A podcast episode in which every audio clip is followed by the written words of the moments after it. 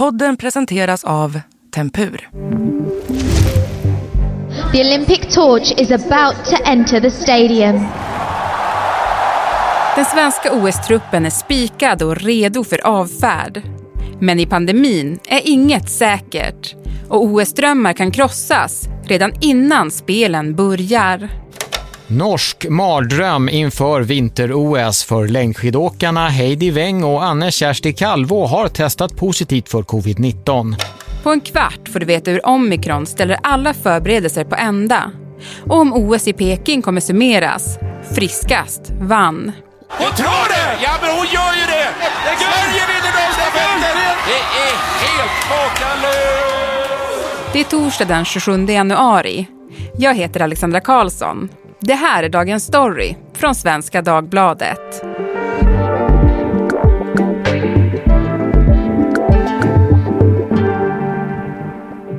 Anders Lindblad, sportkrönikör här på Svenska Dagbladet. Nu gör den svenska OS-truppen sig redo för avfärd till Kina. Hur nervösa är de? Ja, just nu är de nog väldigt nervösa tror jag faktiskt med tanke på smittspridningen runt om i Europa och här i Sverige inte minst. Så att åker man på ett positivt test nu så då kan ju OS vara över innan det ens har börjat. Mm. Ja, men kan du ta oss igenom hur testningen eh, av dem går till? Alltså från Arlanda till Peking, hur ser det Mm. ut? Eh, för det första så måste du vara dubbelvaccinerad. Alla deltagare, alla som är akkrediterade måste ha det landets regler för att vara fullvaccinerad. Så här gäller då två doser. Eh, sen måste du inför avresan ta två tester som är negativa eh, inom tre och fyra dygn innan avresan. Det är det första liksom. Och sen kommer svenska truppen eh, faktiskt att ha på eget bevåg ett snabbtest precis innan de sätter sig på sina respektive flighter då till Peking. Eh, och de har också med sig PCR-tester för att eh, kunna ta det om det visar sig att man får ett positivt snabbtest. Så det är väldigt rigorösa förberedelser just för att vara negativ innan man åker iväg. Och när man landar i Kina då? Ja, då väntar, eh, det sägs ju att det kommer att komma kinesisk personal direkt till in på planet man landar i skyddsdräkter, ta tester på alla som då har landat. Eh, Man mäter kroppstemperatur. Sen väntar ju tester varje dag. Man måste ha munskydd på såklart, obligatoriskt. Du forslas i princip till respektive boende. Du ska vara i karantän där tills testresultatet har kommit då. Ja, det är mer ett fängelse än ett OS kanske. Och när vi spelar in det här så har vi precis fått besked att det norska skidlandslaget nåtts av ett mardrömsbesked. Heidi Weng och Anne Kersti Kalvå har testat positivt för covid-19. Eh, Anders, vad tänkte du när du hörde det? Ja, typiskt att eh, någon drabbas så här och att det var, låg lite i luften att just norska laget skulle drabbas. De fick ju en, ett test på en ledare här några dagar tidigare som var positiv och att eh, ja, nu är smittan inne i laget liksom, verkligen bland åkarna. Det är ju ett mardrömsbesked precis de här dagarna innan avresan då som det var tänkt. Då får de ju flytta på avresan så att, nej, mardröm. Ja, men hur stort avbräck är det här för det norska skidlandslaget? Eh, Heidi Weng är ju en av de bästa åkarna bakom Therese Johaug, en nyckelåkare i stafetten framförallt. Hon är ju riktigt bra, bra form också, hon visade i Tour de Ski senast här för ett tag sedan. Så att det är ett stort avbräck och skulle även då Johaug vara smittad och missa OS eller ja, de första tävlingarna så är det ju ett dråpslag för den norska truppen. Eh, som svensk så kanske man tänker så här att ja men vad skönt då, är största konkurrenten borta. Men jag tycker ändå det skulle vara riktigt trist faktiskt eh, om hon inte kan vara med. Man vill ju hellre se Frida Karlsson eller Ebba Andersson slå Johaug än att hon inte är där och att, eh, ja, att någon av svenskarna vinner i hennes frånvaro. Så att jag hoppas verkligen att hon kommer vara med i OS. Coronafallen avlöser varandra på handbolls-EM i Ungern och Slovakien. JVM i Kanada det ställs in. Flera nationer har spelare som testats positiva för covid-19. Att hålla mästerskap mitt i brinnande pandemi har visat sig vara svårt. Det blev tydligt i december när junior-VM i ishockey för herrar hölls i Kanada. Mästerskapet hann knappt börja innan smittspridningen i lagen var ett faktum. Efter att först ha ställt in flera matcher tog man beslutet att blåsa av hela turneringen. Så alla fick packa ihop och åka hem igen. Nej, det, det kom som en chock för oss också. Eh, det är såklart man hade det lite på känn det blev lite inställda matcher och så, men nej, det, det är jättesvårt att ta in. Ett annat exempel är handbolls-EM för herrar som just nu spelas i Ungern och Slovakien. Där har 99 konstaterade coronafall bekräftats i EM-trupperna. Tyskland har haft så många som 12 smittade spelare och även den svenska truppen är drabbad. Det är det som är nästan det hemska i det här. Att man, man, eh, det blir nästan ingen reaktion längre dessvärre. Det känns ju bara som att någon alltid trillar bort. Flera experter menar att man borde ställa in då den stora smittspridningen skapar orättvisa förutsättningar. Men det Europeiska handbollsförbundet säger att mästerskapet kommer fortsätta. Hur stor är risken att det blir smittspridning bland idrotterna under OS? Så som vi sett i andra mästerskap som nyligen hållits. Jag tror att risken är mindre än vad vi har sett här i exempelvis handbolls-EM och eh, junior-VM i hockey eh, med tanke på de stenhårda restriktionerna som är just i OS och i Kina då. Det är nolltolerans där mm, mot, eller ja, till covid då. Eh. Så att det extrema tester, alla som hamnar i den här bubblan är ju då negativa, ska vara, annars så hamnar du i karantän. Och de som är på plats i Kina, alla akkrediterade, även volontärer, media, måste befinna sig inne i den här OS-bubblan hela, hela tiden. Man får inte ens gå ut utanför och handla eller gå på restaurang eller någonting utan Eh, du måste liksom vara eh, i den här bubblan och du har med dig en app i din mobil där du två veckor också före avresan ska liksom skriva vilka du träffar, vad du har för kroppstemperatur, om du har några symptom, så det är väldigt extremt, så jag tror att smittspridningen är ganska, minim, ja, risken är minimal faktiskt i den här bubblan. Men det kan ju dyka upp såklart något fall. Jag snackade för några dagar sedan med SOKs representant som ska åka till Kina och det har redan tagits 330 000 tester i Peking på volontärer och andra som ska vara i bubblan. Och det har dykt upp ungefär 50 positiva fall av de 330 000. Herregud. Och det är alltså långt innan OS ens har eh, startat. Som, så många tester har man tagit redan. Ja, men alltså det, det är helt otroligt, det går knappt att ta in. Och också typ att det blir väldigt lite fokus på OS. Ja, det kan man säga. Det här sportsliga har ju verkligen hamnat i skuggan av både covid och den politiska situationen då i Kina med bojkotthot och eh, protester.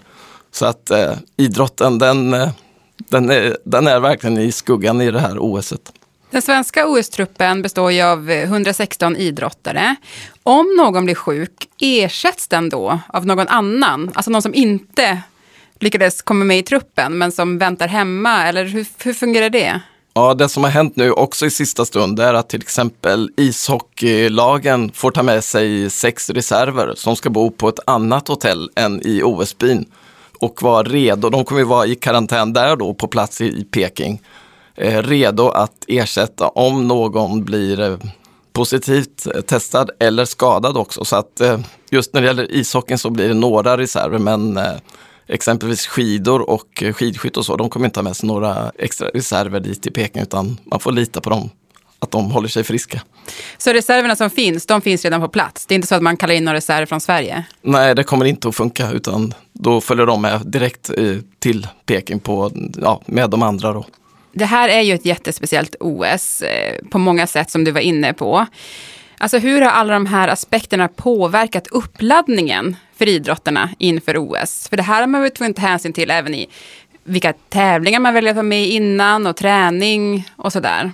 Ja men det har ju påverkat väldigt mycket. Alltså skid, längdskidorna har ju inte ens haft några tävlingar här nu i sista tre, fyra veckorna med tanke på att alla tävlingar har ställts in runt om i Europa på grund av eh, eh, ja, smittspridningen. Eh, många läger har flyttats för att man har sökt sig till eh, smittspridningssäkra områden, exempelvis längdåkningens eh, svenska landslag. Då, de har flyttat från eh, Seiseralm, där just norska ledaren blev smittad, till Livigno. Curlingspelarna har stannat hemma i Sverige. De har inte vågat sig ut i Europa som de hade tänkt.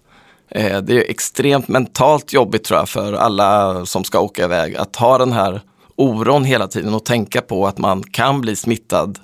Eh, du måste leva extremt eh, isolerat faktiskt. Jag hörde här att systrarna Öberg, de skidskyttetjejerna då som ska åka till OS, de äter inte ens frukost eh, tillsammans här nu senaste månaden in till OS, utan man äter en och en för att inte liksom riskera att smitta den andra om den ena skulle vara smittad. Så att man lever isolerat. Till och med från sin syster. Ja. Anders, kommer vinter-OS i Peking 2022 bli det OS som vi tänker tillbaka på som friskast vann?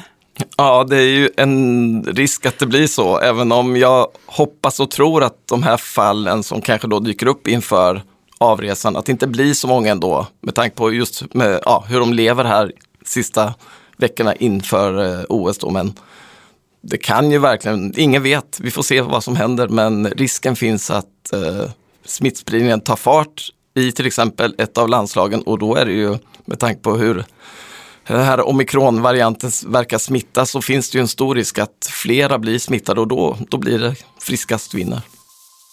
Att bli smittad är såklart förödande för den enskilda idrottaren. Men om smittspridningen blir stor ändrar det också de sportsliga förutsättningarna. Där de favorittippade kanske faller bort redan innan startlinjen. Och frågan är vad sådana förutsättningar gör med ett OS. Där det magiska skimret ligger i att det är just världens absolut bästa idrottare som ställs mot varandra. Det finns tidigare OS med exempel på samma problematik. Men då har det inte handlat om smitta, utan politik som hållit idrottare borta. United States Olympic Committee voted to boycott the Summer Olympic Games in Moscow. 1980 hölls sommar-OS i Moskva. Men USA valde att inte delta i protest mot Sovjets intåg i Afghanistan året innan. USA fick med sig flera andra stora idrottsnationer på bojkotten. Däribland Kanada, Japan, Västtyskland och Kina. Att USA bojkottade innebar bland annat att storfavoriten på både 100 och 200 meter, amerikanska Evelyn Ashford, uteblev. Och när spelen hölls i Los Angeles i USA fyra år senare blev det bojkott igen. Men då från Sovjet och några av deras allierade.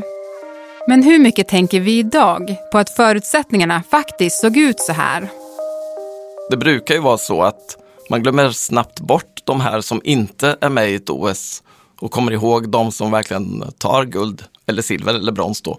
Medaljörerna eh, skriver historia, de som inte är med, de glöms bort. Det finns exempel från eh, till exempel OS i Los Angeles 1984 när östblocket inte var med. 84 där, det tog Agneta Andersson två guld i kanot och det är så här som alla tycker är helt fantastiskt när man ser tillbaka på det. Men då var ju inte de bästa kanotisterna i världen var inte med där. De var från Östtyskland på den tiden eh, och östblocket.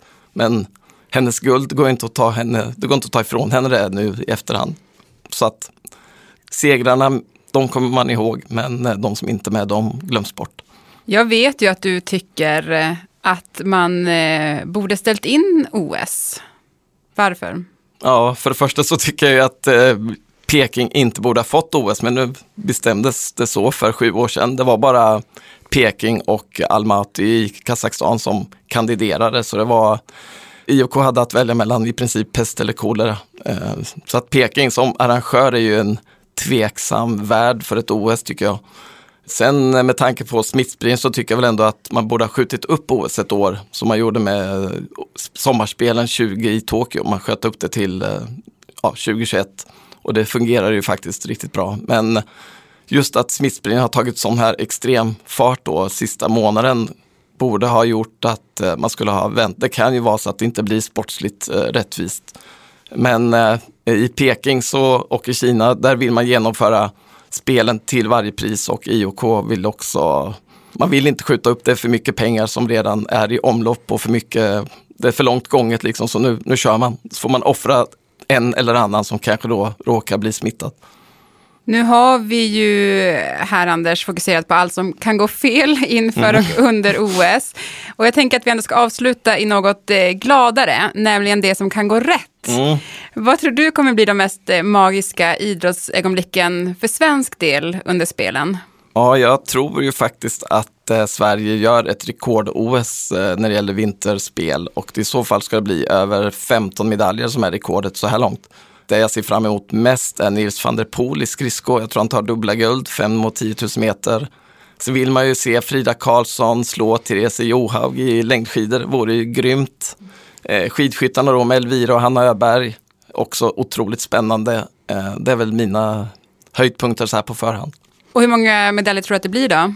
Mm, 18 säger vi då. 18 svenska medaljer varav eh, 7 guld. Wow! Ja, det vore något. ja, då, är det, då är det rekord med råge. Vi hoppas på det. Tack Anders Lindblad för att du var med i Dagens Story. Tack så mycket. Visste du att det finns fyra enkla knep mot vintertrötthet? 1. Försök ta vara på de få ljustimmar vi har genom att ta en kort promenad på lunchen. 2. Sätt upp en sömnrutin där du lägger dig och vaknar ungefär vid samma tid varje dag. 3. Minska stressen genom att varva ner innan du ska sova. Och 4. Välj en bra madrass som formar sig och stöttar din kropp. Tempur erbjuder högteknologiska madrasser för alla. Nu till 15% rabatt. Så vad väntar du på? Investera i bra sömn. Dagens program producerades av Gabriella Lahti. Redaktör var Teresa Stenler von Matern. Och jag heter Alexandra Karlsson. Vill du kontakta oss så mejla till dagensstory.svd.se.